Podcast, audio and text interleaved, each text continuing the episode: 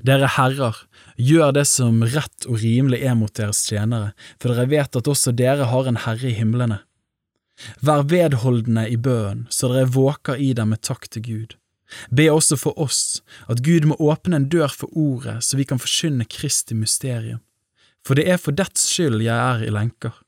Be om at jeg kan åpenbare det ved å tale som jeg bør, omgås i visdom med dem som er utenfor, kjøp den laglige tid, la deres tale alltid være vennlig, men krydret med salt, så dere vet hvordan dere skal svare enhver. Hvordan det går med meg, det skal Tykikus fortelle dere alt sammen. Han er min kjære bror og trofaste hjelper og medtjener i Herren. Nettopp derfor sender jeg ham til dere, for at dere skal få vite hvordan vi har det, og for at han kan oppmuntre deres hjerter.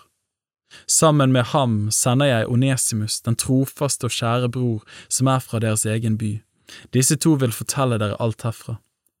Aristarkus, min medfange, hilser dere. Det samme gjør Markus, Barnabas' søskenbarn. Ham har dere fått beskjed om.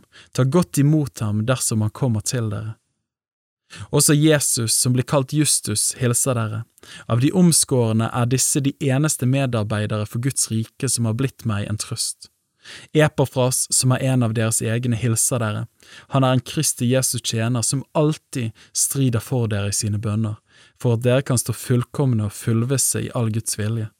For jeg gir ham det vitnesbyrd at han har mye strev for dere og for dem som er i Laudiokia og i Hierapolis. Lukas, den kjære legen, hilser dere, likeså Demos. Hils brødrene i Laudiokia og Nymfas og menigheten i hans hus. Når dette brevet er blitt opplest hos dere, sørg da for at det også blir opplest i menigheten i Laudiokea, og at dere får lese det brevet som dere kan få fra Laudiokea. Si til Arkippus, gi akt på den tjenesten du har fått i Herren, så du fullfører den.